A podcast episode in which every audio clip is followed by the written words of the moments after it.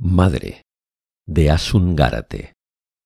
Relato ganador del concurso de microrelatos de la microbiblioteca Esteba Palutzia de Barberà del Vallès de mayo de 2019. Grabación en veu alta. Es noche de luna llena.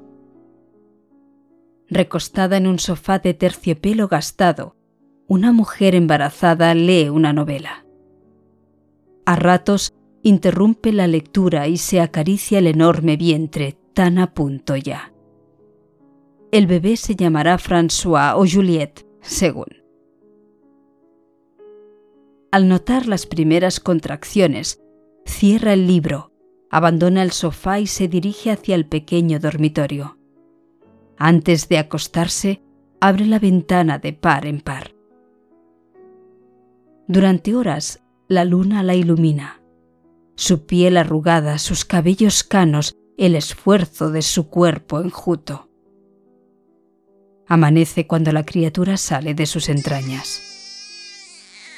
Entonces el aleteo, puntual, impaciente, entrando como una flecha por la ventana y posándose a los pies de la cama. El largo pico rojo, las largas patas rojas. La mujer mira al ave, se pregunta si es siempre la misma. Ella se siente vieja y cansada. Sabe que no habrá más François ni Juliette. Y decide que esta vez no. Saca de la mesilla el cuchillo de cortar cordones umbilicales.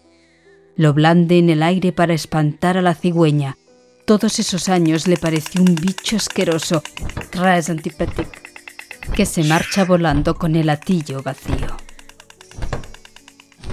La mujer coge a su bebé amorosamente y se lo pone al pecho.